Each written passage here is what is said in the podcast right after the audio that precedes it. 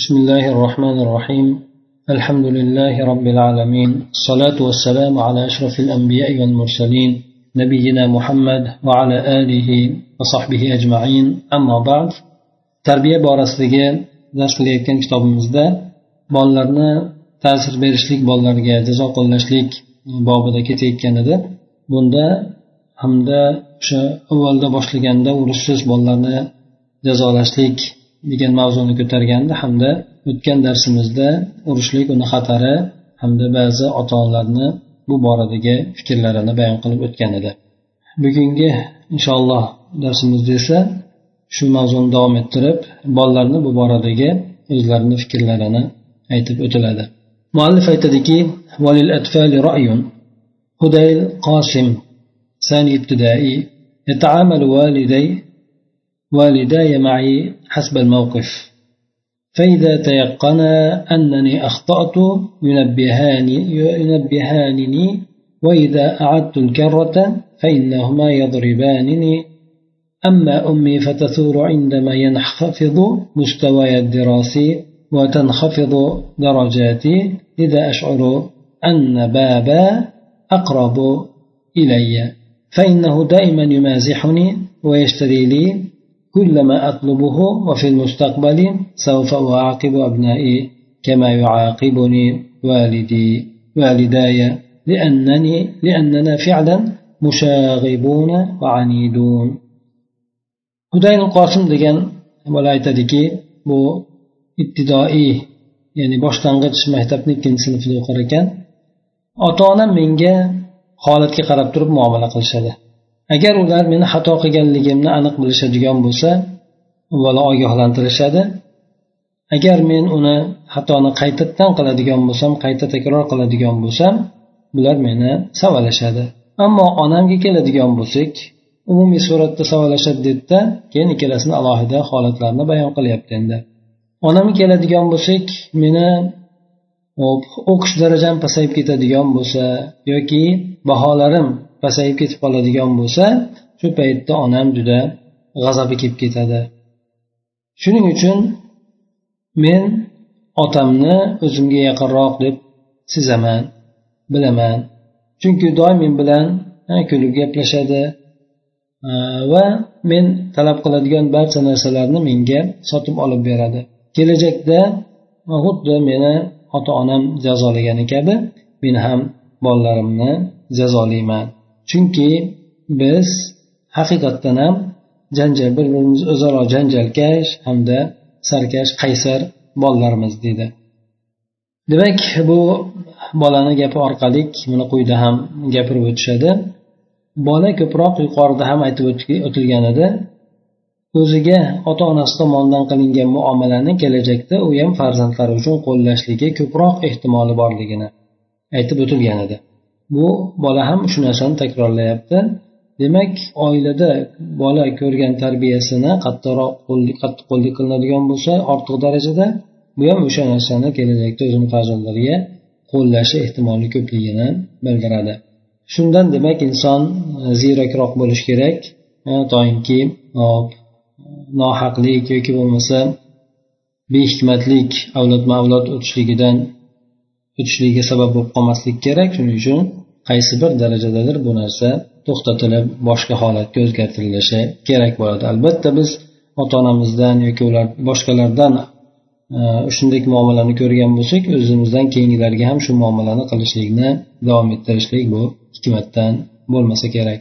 Yana muallif aytadiki vujdan abu ayash ثالث ابتدائي أنا أحب بابا وماما كثيرا لأنهما يلبيان لي كل حاجة. كل حاجتي مع أنني أغضب كثيرا عندما يحرمونني من المصروف أو من شراء لعبة وعدت بها وعدت بها. وأغضب أكثر عندما تضربني أمي مع أنها تنبهني دائما قبل الضرب.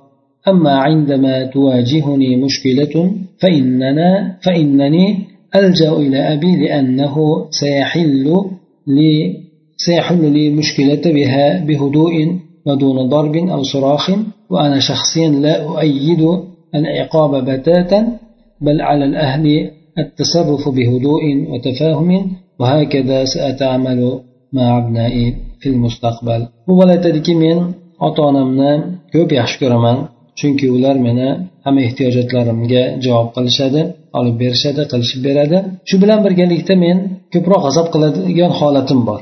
Bu meni ular o'sha beradigan mablag'dan mahrum qilib qo'ygan paytida yoki bo'lmasa bironta bir va'da qilingan o'yinchoqni sotib olishlikdan meni mahrum qilib qo'yishadigan bo'lsa men ko'p g'azablanib qolaman. Va yana onam meni urgan paytida juda ham qattiq g'azabim keladi. Shu bilan birgalikda onam doimo menga ogoh beradi o'zi aslida urishlikdan oldin. Ammo endi menga bir muammo yo'liqib qoladigan bo'lsa boshimga muammo tushib qoladigan bo'lsa albatta men otamga murojaat qilaman. Chunki u kishi meni muammoyimni e, xotirjamlik bilan tinchlik bilan hech qanaqangi urmasdan baqirmasdan hal qilib beradi. Men o'zim shaxsiyan umuman e, jazolashlik suratini qo'llab quvvatlamayman qo'llamayman balki oiladagilarga tinchlik bilan tasarruf qilishligi oilani boshqarishligi shunday bo'lgan holatlarda xatti harakat qilishligi tinchlik bilan o'zaro tushunishlik bilan bo'lishligi kerak bo'ladi. Shuningdek men kelajakda o'zim ham bolalarim bilan birgalikda shuningdek muomala qilaman deydi. Boshqasi aytadiki nur lozim deb bu sani ibtidoiy ya'ni boshlang'ich maktabda ikkinchi sinfda o'qar ekan باب وماما أغلى ما في الكون لأنهما دائما يشتريان لي أشياء جميلة أحب بابا كثيرا وكذلك أحب ماما أيضا لأنها ترعاني وتخاف علي وعندما أطلب شيئا تناقشني في شرائه وإذا كنت أحقا بحاجة له وتناقشني أيضا إذا أخطأت مع أحد إخوتي أما إذا تكرر الخطأ فإنها تهددني فقط bu nur nozim degan bola aytadiki ota onam menga koinotdagi eng suyumli bo'lgan kimsalardir suyumli bo'lgan narsa yoki kimsalardir bularda baba mama deyishlik boshqa millatlardan kelib qolgan bu narsa odatiy hamma oilasida bor bunaqa aytishligi chunki ikkalalari doimo men uchun chiroyli bo'lgan narsalarni sotib olib berishadi Men otamni ko'proq yaxshi ko'raman. Shuningdek onamni ham yaxshi ko'raman. Chunki onam menga rioya qiladi meni parvo qiladi menga. Ha meni ustimda qo'rqadi ham tavsiraydi men biron narsani talab qilgan paytimda esa men bilan u narsani sotib olishlikda munoqasha qiladi. Ya'ni e, talash tortishadi ha agarchi men o'sha narsaga haqiqatan muhtoj bo'lsam ham deydi. Ha agar shunday muhtoj bo'ladigan bo'lsam ham men bilan shunaqa narsalar talash tortishadi va aydon va yana men ukalarimdan birontasi bilan birgalikda xato qilib qo'yadigan bo'lsam ham men bilan shunaqa munoqasa qiladi talash tortishadi. Ammo endi xato takrorlanadigan bo'lsa u onam meni e, tahdid qilib qo'yadi xolos deydi meni qo'rqitib qo'yadi xolos. Yahya sulaymon bo'lsa aytadiki bu beshinchi shu boshlang'ich maktabni beshinchi sinfda o'qir ekan. وماما أنهما يتأثران جدا عندما أحصل على درجة منخفضة في الامتحان لأنهما تعودا تعودا على درجة عالية.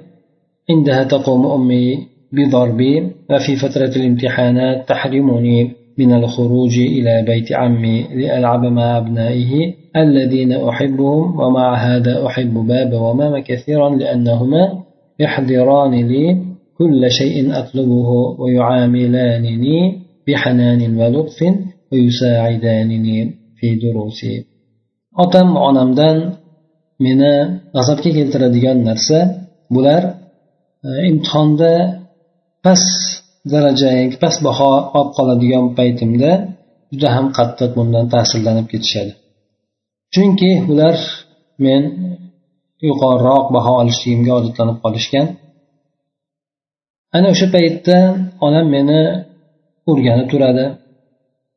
Imtihon davrlarida esa meni amakimni uyiga uni men o'zim yaxshi ko'radigan farzandlar bilan birgalikda o'ynashligim uchun chiqishligimdan meni mahrum ham qilib qo'yishadi.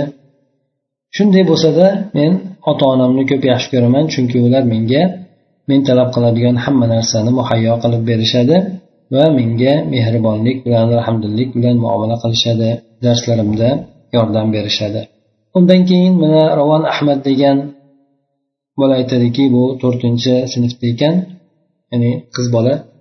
باب وما مع أهل الناس لأنني أشعر بحبهما لي ويشتريان لي ألعاب والحلويات لكنهما يعاقبانني عندما أضرب أخي الأصغر والوحيد وهذا يؤلمني كثيرا لأنني لا أحبذ الضرب للصغار ota onam bular odamlarni ichida eng sevimlisi menga chunki men ularni o'zimga nisbatan bo'lgan muhabbatini his qilaman va ular men uchun o'yinchoqlar shirinliklar sotib olib berishadi lekin ikkalari menga jazo ham berishadi. Men qachoniki eng kichik bo'lgan yolg'iz bo'lgan ukamni ya'ni o'g'il bola ukamni urgan paytimda menga jazo berishadi. Bu esa meni ko'p alamlantiradi chunki men o'zim kichkinalarni urishlikni hech ham quvvatlamayman yoki shuni tarafdori emasman deb aytadi ya'ni ukamni urganimga qanaqadir bir ayb bilan qilgan bo'lsa ursam ular menga jazo qo'llab urishadi meni shu narsa menga alam qiladi ayb urilganligim uchun degan mazmunda gapiryapti ahmad rosim degan aytadiki bu boshlang'ich maktabda birinchi sinfida ekan لم أستوعب لماذا تعود تعود أمي من العمل تعود أمي من العمل غاضبة وتملأ البيت صراخا إذا لعبنا داخل البيت وعندما يعود أبي يطلب عدم الإزعاج لأنه متعب فأنا لا أشعر بهما مثل خليل ابن عمي الذي أراه دائما يركب على ظهر أبيه ويداعبه وأمه تتكلم بهدوء دون صراخ أو ضرب. men tushunmayman deydi nima uchun onam ishdan g'azablangan holatda qaytadi biz uyni ichida o'ynayotgan bo'lsak uyni baqiriq bilan to'ldiradi. Otam esa qaytgan paytida bizdan bezovta qilmasligimizni talab qiladi. Chunki u sababi charchagan bo'ladi. Men ularni his etmayman. Xuddi mana amakimni farzandi xolil kabi men ularni his etmayman bilmayman. Bu amakimni o'g'li doimo o'zini otasini tepasida minib yuradi u bilan o'ynashadi erkalanadi. Onasi esa tinchlik bilan hech qanaqangi baqir chaqir qilmasdan urmasdan gapiradi deydi. Demak bolalar ham atrofni kuzatadi. Boshqalarni o'zlarini farzandlariga qilayotgan muomalalarni ko'radi. Ana o'shandan solishtirishadi. Qaysi tomoni yaxshi qaysi tomoni yomon chunki alloh taolo aqlni insonga bezib bermagan. Albatta bolalar ham tamiz yoshiga yetgandan keyin mana yetti yoshimdan keyin albatta aqli rivojlanishligini boshlaydi. Ana o'sha paytda demak boshqa oilalar bilan ulardagi bo'layotgan holatlar bilan solishtiradi o'shanga qarab turib hukm qiladi.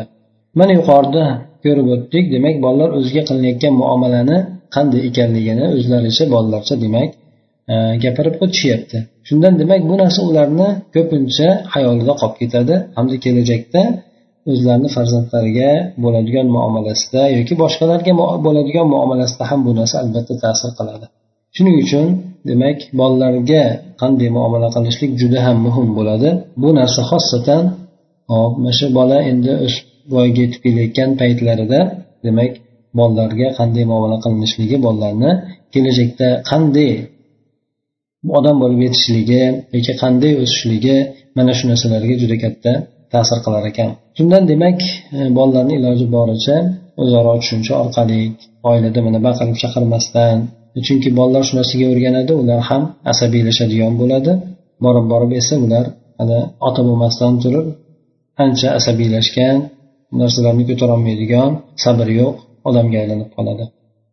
Ana undan keyin tarbiyani ikkinchi turi mukofot bilan tarbiyalashlik. Demak yuqoridagi targ'ib va tahdid bilan mukofotlashlik tarbiyalashlik borasida demak urush orqali yoki ta'zir berishlik orqali yoki tahdid qilishlik orqali tarbiyani yuqorida aytib o'tildi endi mukofot berib tarbiyalashlik borasida ham qisqacha gapirib o'tiladi muallif aytadiki لقد اهتم الإسلام بقضية المكافأة على العمل الصالح والعمل المثمر وفي ذلك يقول الله تعالى من جاء بالحسنة فله عشر أمثالها فهذه مكافأة على عمل واحد إيجابي يكافئ, يكافئ بعشر أمثاله.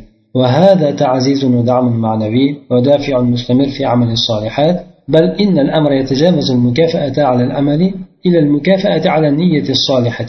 ففي حديث ابن عباس عن رسول الله صلى الله عليه وسلم فيما يرويه عن ربه تبارك وتعالى قال إن الله كتب الحسنات والسيئات ثم بين ذلك فمن هم بحسنة فلم يعملها كتبها الله عنده حسنة كاملة وإن هم بها فعملها كتبها الله عز وجل عندها عنده عشر حسنات إلى سبعمائة ضعف إلى أضعاف كثيرة. وإن هم بسيئة فلم يعملها كتبها الله عنده حسنة كاملة وإن هم بها فعملها كتبها الله سيئة واحدة وحديث عمر بن الخطاب رضي الله عنه الآخر مشهور إنما الأعمال بالنيات فالنتائج والمكافآت التي ينالها الإنسان عند إنجازه أمرا ما تحفزه على عمل أشياء أخرى إيجابية فالتعزيز الإيجابي يقوي السلوك ويزيد من احتمالية تكرار السلوك الإيجابي مرة أخرى. demak mukofot bilan tarbiyalashlik islom bu masalaga ya'ni yaxshi amalga hamda samara beruvchi amallarga ko'ra mukofot berishlik masalasiga ahamiyat bergan. Bu borada alloh taolo aytadi kimki biron bir yaxshilikni qiladigan bo'lsa unga uni baravarida o'n baravar yaxshilik bo'ladi. Mana bu mukofot bitta bo'lgan ya'ni ijobiy bo'lgan amalga ko'ra bo'lgan mukofot. Bu bilan alloh taolo o'n baravari qilib mukofot qilib berar ekan. Mana bu narsa esa ma'naviy tomondan qo'llab quvvatlashlik bo'ladi hamda o'sha yaxshi amallarda bardavomlikka undovchi bo'ladi. Balki ish bu yerda holat faqat e, o'sha amalga ko'ra mukofotlashlikdan ko'ra mukofotlashlikdan ham yana o'sha solih bo'lgan yaxshi bo'lgan niyatga mukofotlashlikka ham o'tadi.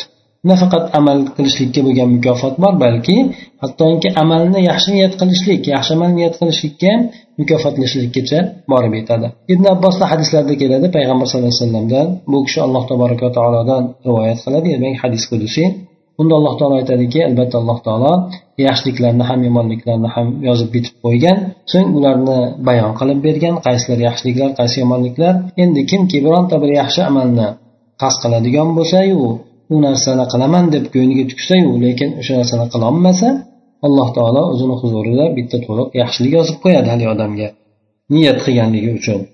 Agar o'sha narsani qasd qilsa hamda amalga oshirsa alloh taolo o'zini huzurida o'n baravardan yetti yuz baravargacha yana ko'p darajasi baravarigacha uni amalni yozib qo'yadi. Agar bir yomon amalni inson qasd qiladigan bo'lsayu u narsani amalga oshirmasa xudodan qo'rqqanligidan oshirmasa bu odam ya'ni amalga oshirma qasd qilsayu lekin imkoni bo'lmay qolsa emas bu yerda. U odam o'zi o'sha narsani amalga oshirmadi. Bunda alloh taolo o'zini huzurida haligi odamni bu qilgan ishi uchun bitta to'liq hasanotni yaxshilikni itib qo'yadi. Agar o'sha yomonlikni qasd qilsayu qilaman deb turib amalga oshiradigan bo'lsa alloh taolo buning uchun bir baravar yomonlikni bitib qo'yadi. Demak alloh taolo insonni bir qilgan amalga bitta beradi. Oshirib bermaydi. Bir qiladigan yaxshi amaliga esa o'n baravardan yetti yuz baravargacha balki undan ham oshiqroq qilib beradi. Demak alloh taolo shunaqa fazli marhamatli bo'lgan zotdir. Yana bu yerda umar ibn hattob roziyallohu anhuni hadislari ham bor. Bu mashhur niyat degan hadis amallar albatta niyatga qarab e'tibor qilinadi. Ya'ni amalni qilayotganda niyat nihoyatda muhim bo'ladi. Natijalar hamda mukofotlar ya'ni inson erishadigan biron bir amalni bajarishlik paytida amalga oshirishlik paytida inson erishadigan mukofotlar bo'lsin natijalar bu narsalar insonni boshqa bir ijobiy narsalarni qilishlikka ham undaydi amronmadagi ma bu yerda e, sifati nakira deb qo'yiladi ma bu yerda amronga sifat bo'ladi. Ya'ni hamda amronni yana ham nakiralikka aylantirib qo'yadi. Ya'ni biron bir amal degan ma'nosida bo'ladi.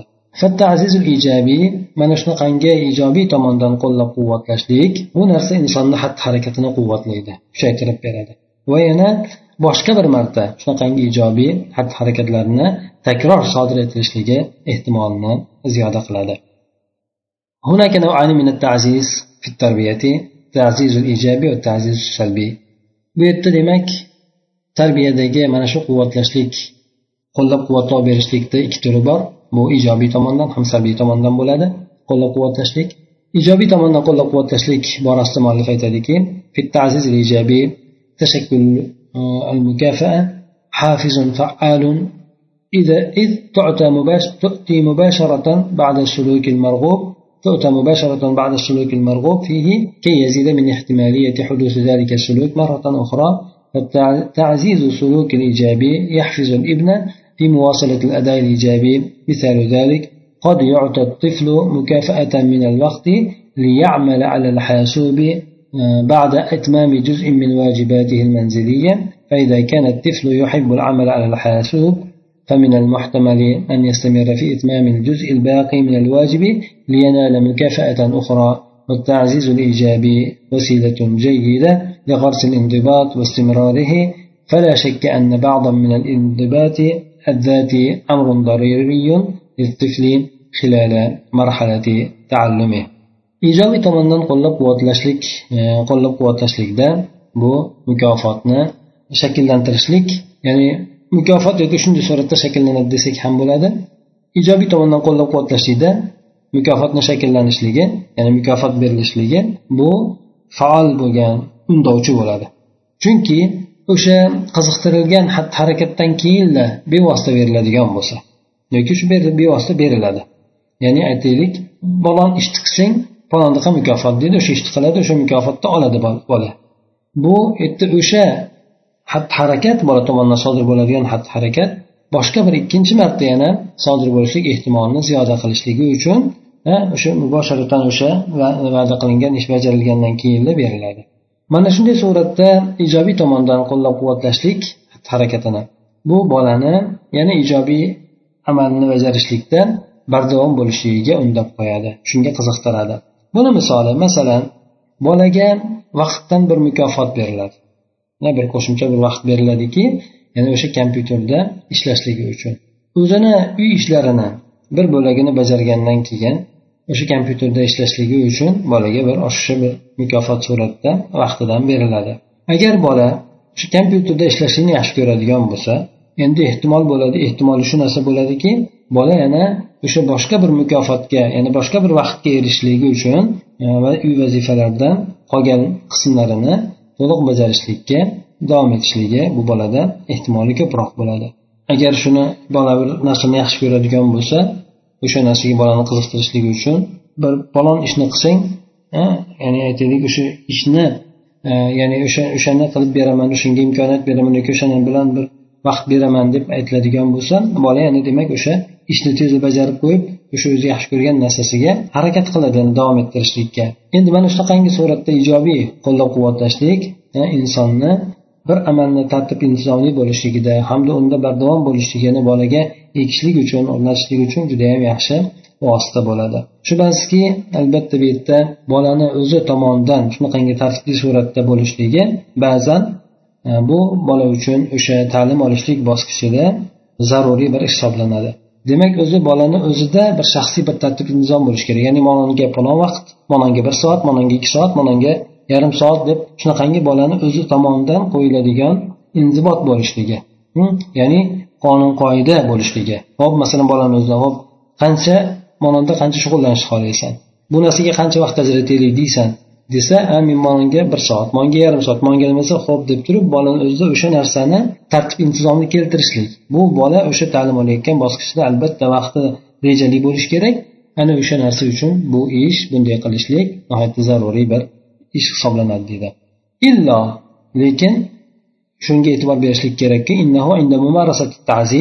فإننا نحتاج لنسأل ما الشيء الذي أعزه في الطفل فأحيانا من غير قصد قد نعزز سلوك خطأ مثال ذلك عندما يرفض الطفل أن يعمل أو يسمع الأوامر فقد تتجه تعده بشيء إذا فعل ذلك الأمر لكي يستجيب لأمرك فإنما تحفزه الآن هو الاستمرار في الرفض والعناد واستجداء المكافأة ففي المرة القادمة سوف يعيد الكرة مرة أخرى رغبة في الحصول على مكافأة جديدة لكن deydi bu kishi o'sha qo'llab quvvatlashlikni tadbiq qilayotgan paytida albatta biz shunday deb so'rashlikka muhtoj bo'lamiz o'zimizdan demak so'raylik biz bolada qaysi bir narsani qo'llab quvvatlashlikka muhtoj bo'lamiz ya'ni biz yoki bo'lmasa biz bolada qaysi bir narsani qo'llab quvvatlaymiz qo'llab quvvatlashligimiz kerak deb oldin so'rab bilib olaylik o'zimizdan ba'zan qasd qilmagan holatda boladagi xato xatti harakatni qo'llab quvvatlab qo'yamiz.